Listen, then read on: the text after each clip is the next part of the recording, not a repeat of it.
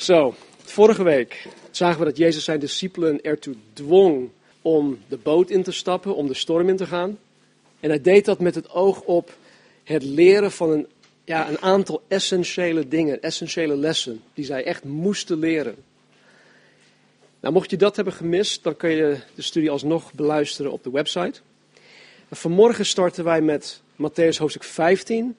Maar voordat we dat gaan doen, gaan we nog eerst een kijkje nemen naar Matthäus 14, waarin Petrus op het water loopt. Dus laten we onze Bijbels openslaan op Matthäus 14, vers 22. En meteen dwong Jezus zijn discipelen in het schip te gaan en voor hem uit te varen naar de overkant, terwijl hij de menigte zou wegsturen. En toen hij de menigte weggestuurd had, klom hij de berg op om er in afzondering te bidden. Toen het avond was geworden, was hij daar alleen. Het schip was al midden op de zee en verkeerde in nood door de golven, want ze hadden wind tegen.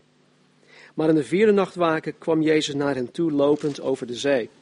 En toen de discipelen hem over de zee zagen lopen, raakten zij in verwarring en zeiden: Het is een spook. En zij schreeuwden van angst. Maar meteen sprak Jezus hen aan en zei: Heb goede moed, ik ben het, wees niet bevreesd. Petrus antwoordde hem en zei: Heere, als u het bent, geef mij dan bevel over het water naar u toe te komen. En hij zei: Kom, Petrus.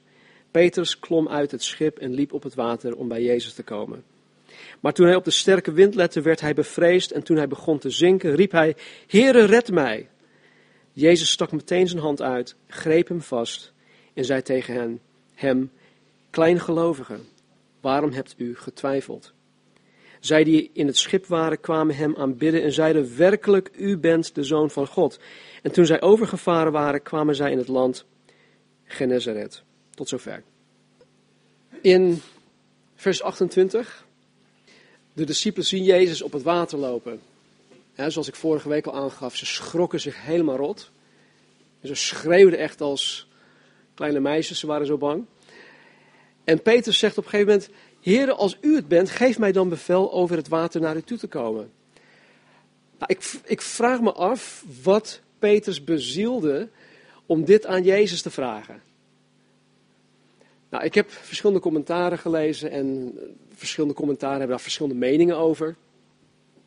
Persoonlijk geloof ik, en dit is dan mijn mening, is weer een mening erbij. Eh, ik geloof dat Petrus gewoon bij Jezus wilde zijn. Hij wilde per se zijn waar Jezus was. In alle vier evangeliën staat dat toen Jezus gearresteerd werd, Petrus Jezus op een afstand volgde naar de plaats waar Jezus voorgeleid werd. Er staat alleen Petrus volgde hem. Hij was de enige die het binnenhof van de hoge priester ingegaan was, zodat hij Jezus op een kleine, of vanaf een kleine afstand nog kon zien. In Johannes 21, nadat Jezus uit de dood was opgestaan, verscheen hij tot meerdere malen toe aan de discipelen. En in hoofdstuk 21 van Johannes um, verscheen hij toen zij aan het vissen waren. Zij waren op het, op, op, de, op het meer van Galilea. Jezus stond aan de oever en hij riep hen. En er staat in vers 7 dat op het moment dat Petrus wist dat Jezus aan de oever stond, hij uit de boot sprong en naar Jezus toe zwom. Hij, hij kon niet eens wachten om met de rest van de, degene in, in, in de boot hè, naar Jezus toe te komen. Nee, hij sprong de boot uit. En ja, aan de hand van deze twee voorbeelden denk ik dus goed, maar dat is mijn mening, dat Petrus simpelweg bij Jezus wilde zijn. Nou, als, als dit inderdaad de reden is, en dat kan ik niet hard maken, maar als dit de reden is, dan spreekt het mij enorm aan. Ik word hierop aangesproken. Want ik wil niet per se altijd bij Jezus zijn. Ik heb, een, ik heb mijn eigen agenda. Ik heb, ik heb mijn eigen ding die ik soms wil doen. Jezus roept mij op om naar Hem toe te komen, door tijd te besteden met Hem in Zijn woord, in gebed, in de samenkomsten enzovoort enzovoort. Maar zo vaak heb ik andere prioriteiten en dan, dan laat ik Jezus als het ware links liggen. Maar Petrus, ondanks de onmogelijkheid van deze situatie, ondanks de onmogelijkheid van die omstandigheden waarin hij, zich verkeer, waarin hij verkeerde, wilde per se naar Jezus toe. En al betekende het dat hij uit de boot moest stappen. Het is wat. Om in een storm te zijn en dan de boot uit te stappen om op het water te lopen. Dat, daar heb ik totaal geen voorstelling van. En ik zit maar te jammeren om bepaalde beslissingen te nemen. Ik zit maar te jammeren over, oh nee, dat wil ik niet, oh dat wil ik niet, dat is te moeilijk. En Petrus die stapt gewoon de boot uit. Vers 29. Jezus zei, kom. En Petrus klom uit het schip, liep op het water om bij Jezus te komen. Maar toen hij op de sterke wind lette, werd hij bevreesd. En toen hij begon te zinken, riep hij, Heere, red mij. Jezus stak meteen zijn hand uit, greep hem vast en zei tegen hem, Kleingelovige, waarom hebt u getwijfeld? Jezus zei tegen hem, kom. Hij zegt ook tegen ons allen, kom. Maar hier zegt hij dus tegen Petrus, kom. En Petrus neemt vervolgens een gigantische geloofstap en hij klom de boot uit. Weet je, vaak denken wij van Petrus, oh joh, hij, hij heeft de Here verlogend en Petrus dit en hij, hij zegt altijd domme dingen en hij doet domme dingen. Maar hij was wel de enige die, die uit de boot durfde te stappen. Hoe zat het met die andere elf? Dus hij, hij neemt een gigantische geloofstap. En vervolgens doet Petrus het onmogelijke. Hij loopt op het water. Maar toen Petrus op de sterke wind lette, er, werd hij bevreesd. Toen Petrus zich op de omstandigheden ging focussen, er kwam hij ineens tot het besef dat hij eigenlijk helemaal niet op water kan lopen. Hij komt tot het besef dat dit eigenlijk onmogelijk is voor hem. Kijk, begrijp me goed, dit moment was niet de eerste keer dat hij op de, sterke wind, op de sterke wind lette. Hij en de andere discipelen waren al urenlang geteisterd door deze storm, door de harde tegenwind. Ze bevonden zich al urenlang in de storm. Ze waren al urenlang bezig om te ploeteren en te roeien. Misschien, had, misschien bloedden ze handen wel van, van het roeien. Petrus keek naar zijn eigen onmacht. Petrus keek naar zijn eigen onbekwaamheid, naar zijn eigen onkunde. En op het moment dat hij naar deze dingen, ging, uh, naar deze dingen keek, begon hij te zinken. Christenen vandaag de dag, anno 2014, kijken ook te veel naar wat zij allemaal niet kunnen. We maken ons er allemaal schuldig aan. Ik ook. Allemaal wat, we kijken te veel naar wat we niet kunnen. Eh, we zeggen, nou, ik weet eigenlijk niet hoe ik van Jezus kan getuigen. Of ik weet niet hoe ik mijn, mijn levensverhaal, mijn getuigenis aan iemand kan vertellen. Ik ben niet goed in het aanknopen van een gesprek met iemand over Jezus Christus. Zo ben ik gewoon niet. Ik, ja, zo ben ik niet gemaakt of daar ben ik niet goed in. Ik kan mensen niet bemoedigen als zij ontmoedigd zijn. Ik kan mensen niet bemoedigen als ze depressief, of depressief zijn. En want als ze depressief zijn, weet ik eigenlijk niet wat ik daarmee aan moet, want ik ben geen psycholoog. Ik heb daar niet voor geleerd. Ik weet niet hoe ik iemand die ziek is in de Here moet bemoedigen. Ik weet niet hoe ik iemand die op zijn of haar sterfbed ligt in de Here bemoedigen. Ik weet niet hoe ik de Heer kan dienen, want ik kan niet zingen, ik speel geen instrument, ik kan niet voor een groep staan. Ik kan geen Bijbelteksten uit mijn hoofd citeren. Ik kan niemand iets uit, iets uit de Bijbel bijbrengen, want ik ben geen Bijbelleraar. Weet je, ik kan dit niet, ik kan dat niet, omdat ik er niet voor geleerd heb, enzovoort, enzovoort, enzovoort. En we, we hebben allemaal dat soort ideeën. En voor de ene is het dit, voor de ander is het weer iets anders. Maar we focussen veel te vaak en veel te veel naar wat voor ons persoonlijk onmogelijk is.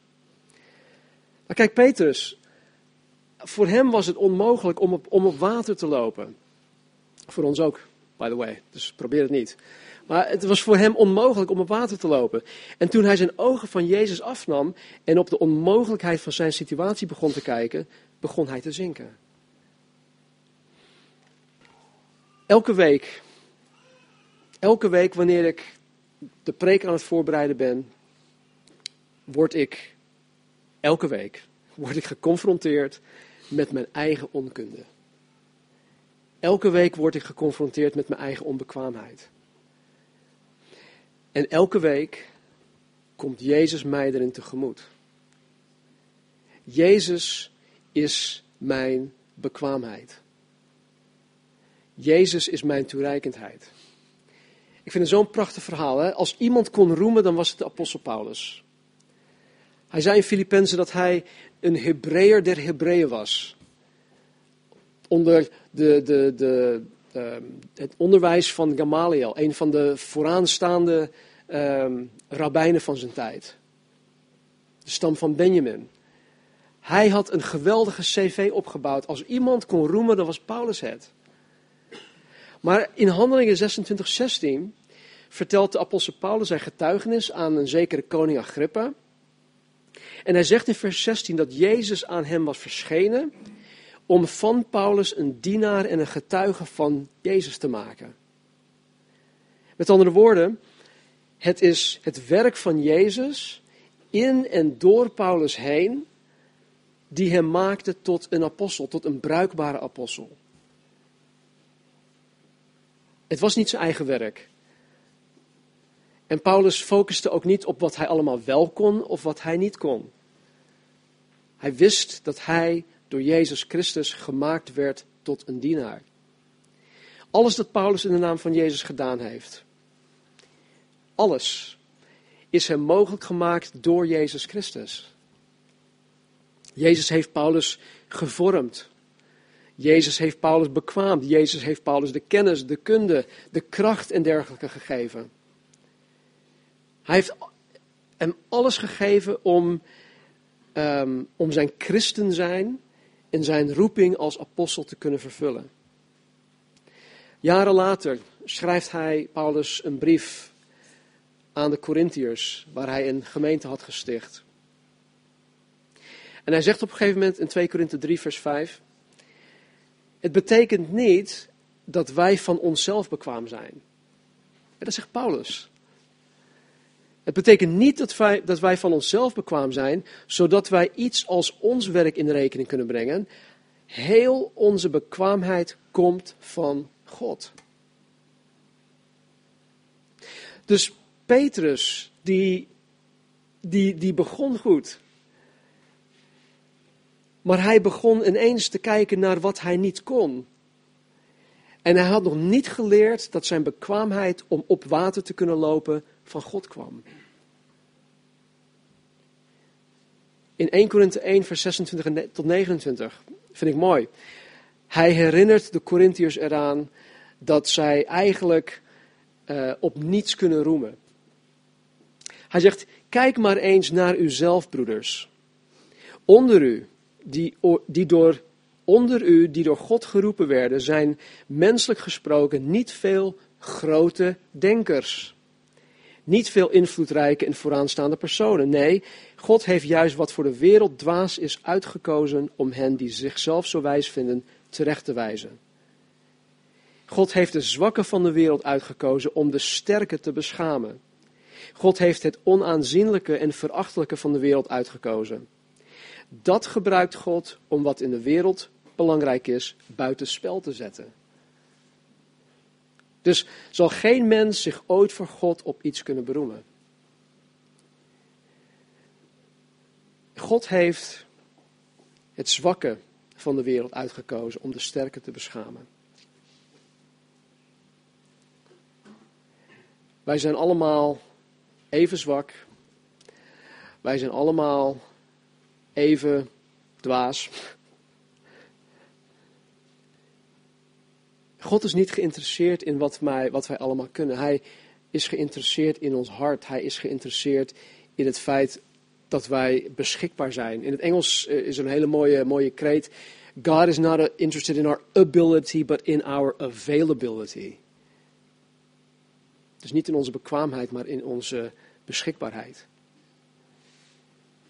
Wij zijn zijn maaksel. In Efeze 2:10 zegt Paulus: Wij zijn zijn maaksel, geschapen in Christus Jezus om goede werken te doen die God van tevoren bereid heeft, opdat wij daarin zouden wandelen. Jezus maakt ons tot wat Hij wil. En het werk, de dingen die ik in zijn naam verricht, is niet afhankelijk van mijn kunnen. Natuurlijk moet ik me bekwamen in een aantal dingen. In het bestuderen van Gods woord. Er zijn bepaalde dingen waar ik, waarin ik me moet bekwamen, waarin ik me moet oefenen. Maar ik, ik was niet zo toen ik begon. Toen ik begon kon ik helemaal niks. En nu door Gods bekwaamheid mag ik doen, kan ik doen wat ik doe. Petrus riep, Heere, red mij. Alhoewel Petrus op dat moment niet geloofde dat hij door Gods, uh, door Gods bekwaamheid op het water kon blijven lopen, want dat, dat geloofde hij blijkbaar niet, geloofde Petrus wel dat Jezus hem kon redden. Dat vind ik wel mooi. En Jezus stak meteen zijn hand uit, greep hem vast en zei tegen hem: Kleingelovige, waarom hebt u getwijfeld? Nog iets moois. Jezus heeft mij vast. Jezus heeft jullie vast. Niet andersom. Vaak willen wij wel denken dat, hè, dat wij ons uitstrekken naar Jezus en dat wij zijn hand vastpakken. Maar hij heeft mijn hand vast. Hij heeft mij vast. Hij heeft jullie vast. Ik doe bedenken aan een verhaal van een moeder die tegen haar zoontje zei: Houd mijn hand vast. Waarop het zoontje beantwoordde en zei: Nee, mama, u moet mijn hand vasthouden, want als ik uw hand vasthoud, dan kan ik het loslaten. Maar als u mijn hand vasthoudt, dan heeft u mij vast. Zie, Jezus stak zijn hand uit en greep Petrus vast. Punt uit. Nou, eerst redt Jezus Petrus. Als hij hem eenmaal beet heeft, dan corrigeert hij hem pas. En hij zegt, kleingelovige, waarom hebt u getwijfeld? Petrus toonde hier klein geloof. Waarmee hij de boot uit durfde te stappen en op het water te gaan lopen. Met dat klein geloof. En Jezus zei zelfs, als je een geloof hebt zo groot als een mosterdzaadje, dan kan je bergen verzetten. Dus het, het, het vereist niet zo'n groot geloof. En soms wordt er van, van sommige mensen gezegd, uh, oh wat heeft die, hij of zij zo'n groot geloof. We hebben allemaal klein geloof, laten we eerlijk zijn. Maar wij geloven in een grote God die grote dingen kan doen. En dat is de sleutel. Het hangt niet af van mijn grote, van mijn klein geloof. Met Petrus klein geloof kon hij op water lopen. Pas toen hij ging twijfelen, begon hij te zinken. En twijfel is zo lastig. Ik, ik, ik haat twijfel. Ik vind het zo vervelend. Het betekent dat je een dubbel standpunt inneemt. Het betekent dat je verdeeld bent over wat je zogenaamd gelooft. Het maakt je onzeker. Jacobus omschrijft het heel mooi in, 1, in Jacobus 1, 6 en 8. Hij zegt, iemand die twijfelt, lijkt op de golven van de zee die door de wind heen en weer worden bewogen. Hij is onzeker en besluiteloos in al zijn doen en laten. Twijfel is niet goed. Het kan slopend zijn. Het houdt je op een negatieve manier bezig. Het berooft je van de rust en van de vrede en van de zekerheid die God voor je heeft. Ik ben nog heel goed in de, de eerste jaren dat mijn gezin hier in Nederland woonde. Toen nog in Katwijk woonde, maar ook in Hillegom vooral. Twijfelde ik regelmatig over um, of ik Gods stem goed had verstaan. In 1992. Had ik Gods stem wel goed verstaan toen hij zei: ga naar Nederland toe als zendeling, als churchplanter, word daar voorganger, predik het woord. Ik twijfelde daar regelmatig over. Vooral wanneer ik me focuste op de omstandigheden en mijn eigen onbekwaamheid en heel veel twijfel. En omdat ik zo twijfelde, begon ik te zinken. Ik had regelmatig het idee dat wij gewoon beter af zouden zijn om gewoon alles in te pakken en weer terug te gaan naar Californië. Het is dat Marnie mij daarin bemoedigde en dat ze mij telkens voor ogen hield van nee, Stan, we moeten hier blijven. God heeft ons geroepen. Ik had al zoveel keren de handdoek in de ring gegooid. En God zij dank dat Hij mijn hand vast heeft. God wil dat wij Hem zo intiem gaan leren kennen. Dat wij niet meer aan Hem twijfelen. En dat wij ook niet meer twijfelen aan wat Hij in ons en door ons heen kan doen. Petrus twijfelde niet aan Jezus. Petrus twijfelde aan het feit dat hij niet, hij, hij geloofde niet, hij twijfelde dat Jezus hem op het water kon doen lopen. In zekere zin twijfelde Petrus eigenlijk aan zichzelf. God wil dat wij standvastig zijn in wat en vooral in wie wij geloven. Vers 34, we slaan een paar over. En toen zij overgevaren waren, kwamen zij in het land Genezaret. Toen de mannen van die plaats hem herkenden, stuurden ze bericht rond in heel die streek en brachten allen bij hem die er slecht aan toe waren. En ze smeekten hem alleen maar de zoom van zijn bovenkleed te mogen aanraken. En allen die hem aanraakten werden gezond. Dit doet me denken aan de vrouw in Matthäus 9 die twaalf jaar lang bloedverlies had. En ze geloofde dat als zij alleen maar de zoom van het kleed, bovenkleed van Jezus kon aanraken, dan zou Jezus haar genezen. Dan zou zij genezen worden. En dat deed ze ook. Ze zorgde ervoor dat ze dicht bij Jezus kwam. Ze raakte de zoom van zijn bovenkleed aan. En Jezus zegt, ik voelde, ik voelde kracht uitgaan. Wie raakte me aan? En dan zegt Jezus tegen haar dat haar geloof haar had genezen. weet je, deze vrouw die had blijkbaar een geweldige getuigenis, want hier zien wij dat al deze mensen op zijn minst alleen maar Jezus zijn bovenkleed aan wilden raken. Heer, u hoeft, niet eens, u hoeft niet eens aan te kijken. Ik weet dat u het druk heeft, hebt. Ik weet dat u uh, op doorreis bent. U hoeft me niet eens, niet eens aan te kijken. U hoeft niet met me te praten. Mag ik alsjeblieft alleen uw bovenkleed aanraken? Even een uh, kanttekening. Het feit dat deze mensen Jezus smeekten, bevestigt een, een, een keerpunt in de bediening van Jezus. Tot, tot dan, tot, tot, tot dat moment, hoefden mensen Jezus niet te smeken. Er staat nergens hiervoor dat ze Jezus moesten smeken. Maar nu lag zijn focus elders. Hij, hij was daar wel, maar hij was daar niet meer voor de menigte. Jezus zal zich vanaf dit punt gaan richten op, uh, op, de, op de twaalf discipelen. Hij gaat zich niet meer richten op de menigten, maar hij gaat zich vooral richten op het toerusten van de twaalf. Hoofdstuk 15. Vers 1. Toen kwamen enige schriftgeleerden en fariseeën uit Jeruzalem bij Jezus en zeiden, waarom overtreden uw discipelen de overlevering van de ouden? Want ze wassen hun handen niet als ze brood gaan eten. Nou, ten eerste was het niet vreemd dat schriftgeleerden en fariseeën vanuit Jeruzalem 100 kilometer afreisden om Jezus onder de, onder de loep te nemen.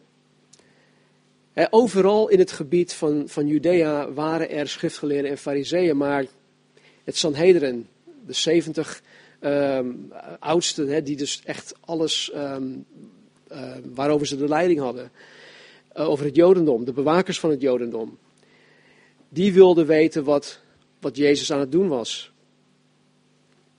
Want ze hadden blijkbaar vernomen dat een zekere Jezus allerlei tekenen en wonderen verrichtte. En ze wilden dat gewoon natrekken.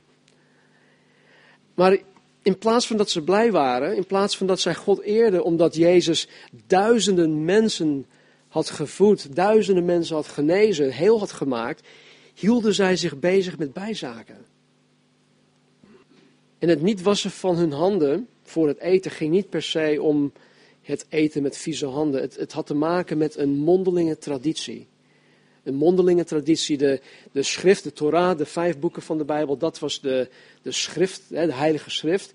En er was ook nog een mondelinge traditie onder de Joden, wat volumes uh, behelsde. En dat was allemaal commentaar en regels op de Torah. Nou, er is in principe niets mis met commentaar op de Bijbel.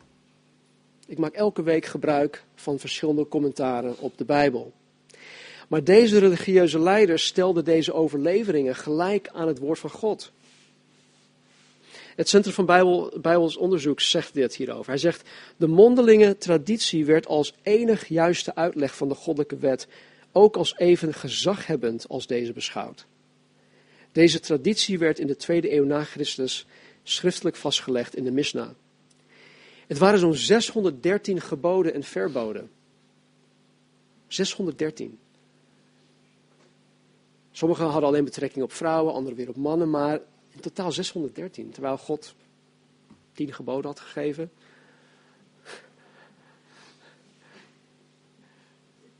Goed, ik, ga, ik kan daar niet dieper op ingaan omwille van de tijd. Maar in vers 1 en 2 werd Jezus dus aangesproken op het gedrag van zijn discipelen. Want zijn discipelen hielden zich niet aan de overlevering van de oude.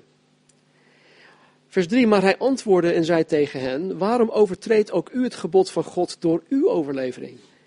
God heeft immers geboden, eer uw vader en moeder, en wie vader of moeder vervloekt, moet zeker sterven. Maar u zegt, wie maar tegen vader of moeder zegt, het is bestemd als offergave, wat u van mij had kunnen krijgen, en zijn vader en moeder niet zal eren, met hem is het in orde. En zo hebt u door uw overlevering het gebod van God krachteloos gemaakt. Nou, Jezus geeft toe dat hij en zijn discipelen de overlevering overtraden. En maar in plaats dat, dat Jezus hierop ingaat, beschuldigt hij hen meteen, de schriftgeleerde fariseeën, van het overtreden van het woord van God. Het woord van God is het allerbelangrijkste, niet die, die tradities van de Joden. Het gebod dat Jezus noemt is het vijfde gebod uit de tien geboden. Eer uw vader en eer uw moeder. Het vijfde gebod. En dit houdt onder andere in dat de kinderen voor hun ouders welzijn horen te zorgen wanneer de ouders op leeftijd zijn. Wanneer de ouders niet meer in staat waren om voor zichzelf te zorgen. Dus als ouders onderdak nodig hadden, als ze zorg nodig hadden, als ze medische hulp nodig hadden, het maakt niet uit wat het was, als ze iets nodig hadden, moesten de kinderen ervoor zorgen. En dat kostte de kinderen geld. Het woord eren. En moet je even, even in, je, in je geheugen um, opslaan. Het woord eren in de Bijbel, wanneer het jegens een uh, uh, mensen wordt gebruikt, het betekent onder andere dat men financieel voor de persoon zorg draagt. Dus eren is niet alleen, oh, ik, ik eer die persoon, of uh, ik ben lief voor die persoon, of ik, uh, ik, heb die persoon hoog in het vaandel staan. Oh, uh, nee, het betekent praktisch ook, ook dat men financieel voor die persoon zorg draagt. Dus eren, het eren van je ouders houdt ook in dat je financieel voor je ouders zorgt wanneer zij op leeftijd zijn en wanneer dat nodig is. En blijkbaar is dit voor God heel erg belangrijk, want het staat in de tien geboden, het is het vijfde gebod. Het is heel belangrijk voor God zelfs. Maar deze religieuze leiders hadden een uitvlucht verzonnen. Ze hadden een uitvlucht verzonnen waardoor um, men zijn geld niet aan zijn ouders hoefde te geven. De uitvlucht werkt als volgt. Stel, hè, ik, heb, ik heb op mijn spaarrekening wat geld staan. En ik, um, als ik het niet aan mijn ouders wil geven voor hun zorg of wat dan ook, dan kan ik zeggen dat het geld dat op een spaarrekening staat bestemd is als een, een offergave voor God. Marcus 7 noemt deze offergave korban. Dus in die uitweg of met die uitweg hoef ik alleen maar korban te roepen en dan ben ik niet meer verplicht om dat geld te gebruiken om mijn ouders te eren. Hiermee hebben de religieuze leiders Gods woord, Gods vijfde gebod, volkomen ontkracht. Het gebod zegt, je moet je ouders eren.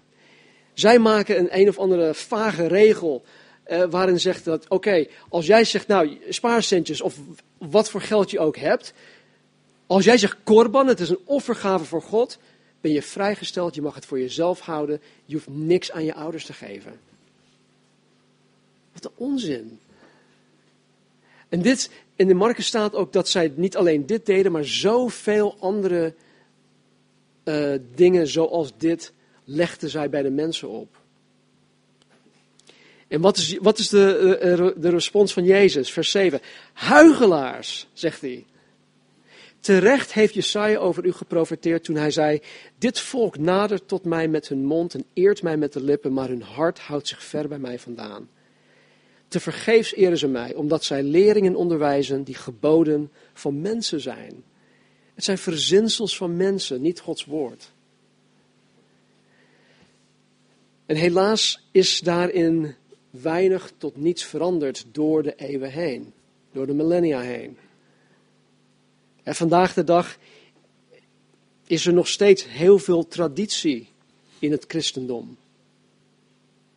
Denk bijvoorbeeld aan de Rooms-Katholieke Kerk. Die erop staat dat niet alleen het woord van God, de Bijbel, gezaghebbend is, maar ook de overleveringen van de Katholieke Kerk zelf. Zij hebben het laatste woord. Denk bijvoorbeeld aan persoonlijke voorkeur of aan tradities of aan, aan bijgeloof binnen het, het, het algehele christendom. Er zijn dingen die, die mensen meekrijgen van, van hun ouders of van uh, kerkenleiders of van andere kerken waar, die, waar ze ooit hebben ge, gekerkt. En die dingen die hebben eigenlijk niets met Gods woord te maken. Maar toch hechten mensen veel waarde aan dit soort dingen. Kerken worden verscheurd om deze dingen. Kerken worden niet verscheurd. Er zijn geen kerksplitsingen omwille van het woord van God. Nee, er zijn kerksplitsingen en er zijn scheuringen in kerken omwille van tradities en voorkeuren en persoonlijke ideeën en, enzovoort enzovoort. Paulus zegt tegen Timotheus dit, eh, over dit onderwerp, zegt hij, ze houden zich aan de uiterlijke vorm van onze godsdienst, maar ze verwerpen de kern ervan. Ze houden zich aan de uiterlijke vorm van onze godsdienst, maar ze verwerpen de kern ervan. En toen hij, vers 10, de menigte bij zich geroepen had. Eh, blijkbaar was Jezus alleen met de fariseeën en de schriftgeleerden in gesprek. De menigte die respecteerde dat, die bleef op afstand. Maar nu roept hij de menigte bij zich en hij zei tegen hen: luister en begrijp het goed. Wat de mond ingaat verontreinigt de mens niet, maar wat de mond uitkomt, dat verontreinigt de mens. Toen kwamen zijn discipelen naar hem toe en zeiden tegen hem: Weet u wel dat toen de Fariseeën dit woord hoorden, zij er aanstoot aan namen? Ik kan me voorstellen dat de discipelen zich geïntimideerd, voelden door de Fariseeën. En dat ze hier dus zeiden: um, Ja, weet u wel, Jezus, dat toen de fariseeën dit woord hoorden, toen u dat tegen hen zei, dat zij er aanstoot aan namen? Ja, natuurlijk wist Jezus dat, dat zij zich aan Jezus stoorden. En maar Jezus antwoordde vers 13 en zei, elke plant die mijn hemelse vader niet geplant heeft, zal uitgetrokken worden. Laat hen gaan. Het zijn blinde geleiders van blinden. Als nu een blinde een blinde geleidt, zullen zij beiden in een kou vallen. Even terug naar hoofdstuk 13. De gelijkenis van het onkruid tussen de tarwe. In die gelijkenis zegt Jezus dat Jezus degene is die het goede zaad zaait. En dat Satan degene is die het onkruid zaait. En hier in dit stuk zegt Jezus dat deze huigelaars onkruid zijn. Die uiteindelijk uitgetrokken zullen worden. En dan zegt Jezus, laat hen gaan. En het betekent dat de, dat de discipelen zich niet moesten storen aan de fariseeën of aan wat de fariseeën zeiden. Sterker nog, het betekende dat zij zich niet moesten inlaten met hen. Vers 15. En Petrus antwoordde en zei tegen hem, verklaar ons deze gelijkenis. Maar Jezus zei, bent, u ook, bent ook u nog altijd onwetend? Ziet u niet in, in dat alles wat de mond ingaat, in de buik komt en in de afzondering weer uitgescheiden wordt? Jezus legt hier uit dat het niet uitmaakt of je met vieze handen eet. Daar komt het op neer. Alles dat in je mond gaat, wordt verteerd. Het goede wordt door het lichaam opgenomen en het afval komt in de wc terecht. Nou, bij ons thuis is er een regel. Als je het huis uit bent geweest, zodra je binnenkomt, het allereerste wat je doet is handen wassen. Dat roep ik ook elke, keer, handen wassen. En dat is gewoon voor ons een, een, ja, een gewoonte geworden. En vooral, ik denk dat dat vooral belangrijk is om vaak je handen te wassen wanneer griep heerst, enzovoort, enzovoort. Want uh, als je iets aangeraakt hebt waar de griepvirus op zit, is het in je neus te peuteren of in je oog wrijft, dan ga je het, word je ziek. Maar goed, Jezus zegt hiermee niet dat je, ja, of, hij zegt hier dus niet mee dat je je handen nooit moet wassen, of dat je je handen niet hoeft te wassen. Maar hij, hij zegt hiermee dat de, de, overdreven manier waarop de fariseeën zich hiermee uh, bezighouden absurd is. Kan er ook niet altijd diep op ingaan, maar ik zal dit wel even zeggen over die, die hand, het, het wassen van handen. Het moest volgens een bepaalde ritueel gaan. Er moest zoveel water zijn, ze moesten het eerst op deze manier wassen en dan weer op andere manier wassen. Het was een hele ritueel. En deze, deze Joodse leiders, die, die, deden niet alleen voor het nuttige van de maaltijd, maar zelfs tussen de verschillende onderdelen van de maaltijden in. En het lijkt allemaal zo vroom, het lijkt allemaal zo godsdienstig. Maar Jezus zegt, jongens, het heeft totaal geen zin. Het betekent, het betekent helemaal niks. Vooral voor mij niet, voor God helemaal niet. Vers 18, maar de dingen die uit de mond komen, komen voort uit het hart. En die verontreinigen de mens. Want uit het hart komen voort kwaadaardige overwegingen, alle moord, overspel, ontucht, diefstal, valse getuigenissen, lasteringen. Marcus voegt nog een aantal dingen toe. Deze dingen zijn het die de mens verontreinigen, maar het eten met ongewassen handen verontreinigt de mens niet. Waar hebben we het gisteren over gehad op de mannenochtend? Onder andere. Het hart. Gisteren op de mannenochtend hebben wij het gehad over het hart van de mens.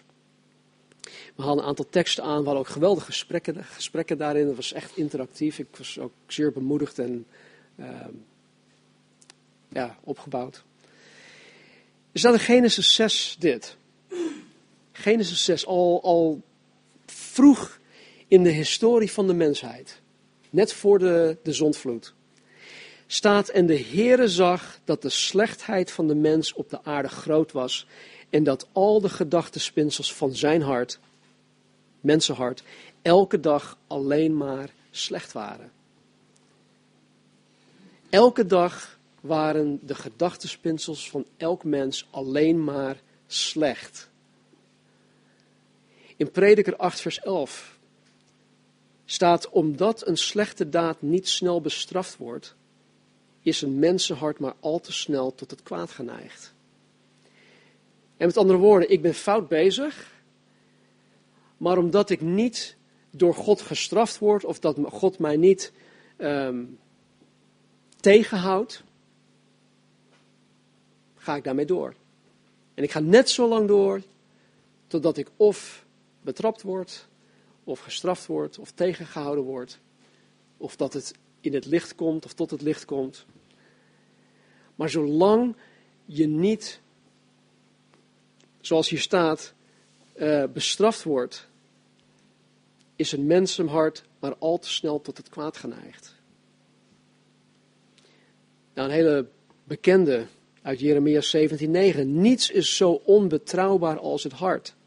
Onverbeterlijk is het, ongeneeslijk is het. Wie zal het kennen? Ik moet, altijd, ja, enerzijds moet ik lachen, anderzijds vind ik het triest. Maar de ongelovige wereldlingen zeggen dat men naar zijn hart moet luisteren. dat je je hart moet volgen. Er worden talloze liederen over gezongen.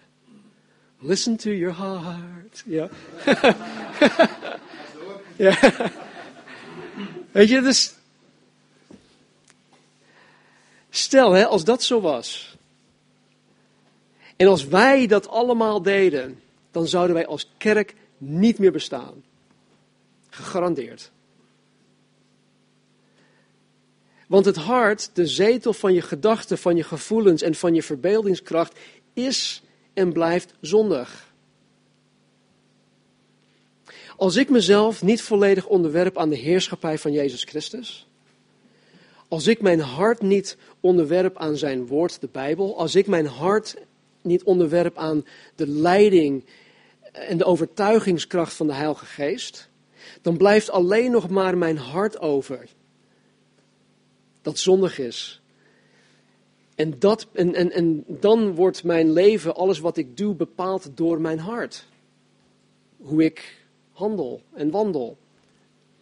En als dat zo is, dan ga ik allerlei rare dingen over jullie denken.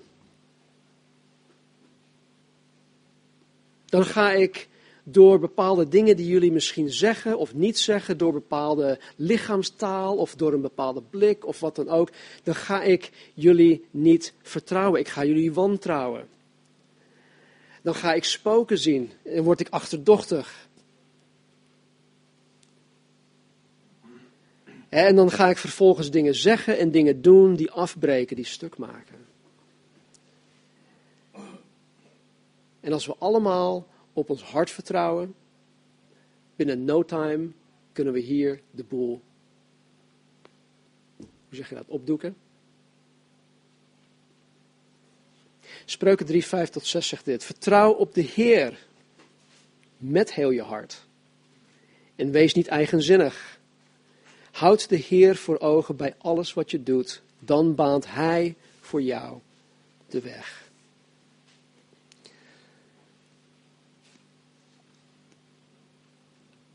Hoe ik mezelf en anderen bescherm tegen de slechtheid van mijn hart, is door het woord van God dagelijks tot me te nemen. Zoals mijn lichaam elke dag ontbijt en lunch en diner nodig heeft. Om krachtig te blijven. Om gezond te blijven. Heeft mijn hart dagelijks Gods woord nodig om onderworpen te blijven aan God.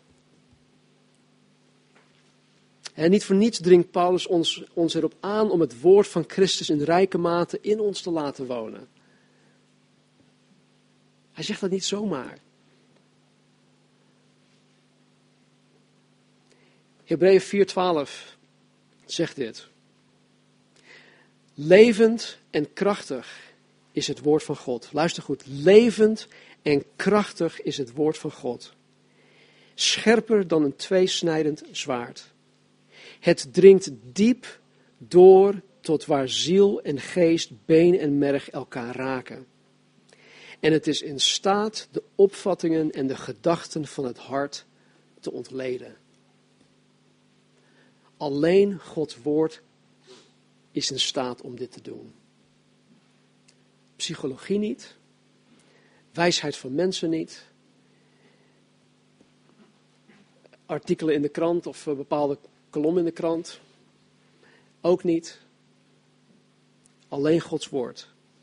Nogmaals, levend en krachtig is het woord van God. Scherper dan een tweesnijdend zwaard. Het dringt diep door tot waar ziel en geest, been en merg elkaar raken. En het is in staat de opvattingen en gedachten van het hart te ontleden. Laten we bidden. Vader, dank u wel dat u zo getrouw bent. Dat u ons uw woord hebt gegeven. Dat u ons vanmorgen ook leert om onze harten te onderwerpen aan uw woord. Aan uw wil, aan uw gezag, de heerschappij van Jezus Christus. O Heer, help ons. Help ons, Heer, om niet naar ons eigen hart te luisteren. Maar help ons, heren, om ons hart, heren, de zetel van al onze gedachten, onze emoties, emoties onze motivaties, onze, ons ja, heel wezen, heren, te onderwerpen aan u. Help ons ook, Vader, om ons niet te richten op wat wij allemaal niet kunnen. Help ons om de macht en de kracht van Jezus te zien. Here, die ons in staat kan stellen om te doen wat voor ons onmogelijk is. En Heer, voor Petrus was het op dat moment op het water lopen. Heer, ik ervaar elke week opnieuw dat ik op, op het water moet gaan lopen als ik een preek moet voorbereiden. Zo onmogelijk is dit voor mij. Maar Heer, u komt mij elke keer daarin tegemoet. Heer, help ieder van ons alsjeblieft om te beseffen dat het niet van ons afhangt. Niet van ons, van ons kunnen of onze bekwaamheid. Heer, onze bekwaamheid is Jezus Christus. Dring tot ons door. Help ons om niet te twijfelen. Help ons om vastberaden te zijn in datgene waarin wij geloven. En help ons, Heer, deze week, vanmorgen zelfs, opnieuw, Heer, een besluit te nemen, Heer, in ons hart, dat wij Jezus Christus willen navolgen.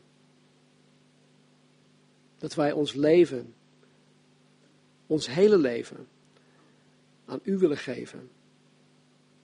Dat wij ons overgeven aan Uw heerschappij. Heer, help ons daartoe. Dank u wel, Heer. Zegen ons, zegen de kinderen, zegen de moeders. En help ons, Heer, om u in alles te eren. Help ons om u in alles te verheerlijken. Zegen zometeen ook onze tijd van fellowship.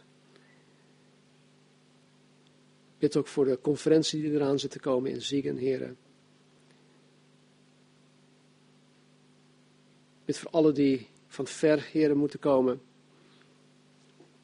Dat u hen beschermt en alle, allemaal, al, ons allemaal, heren, dat u ons daar allemaal veilig naartoe brengt.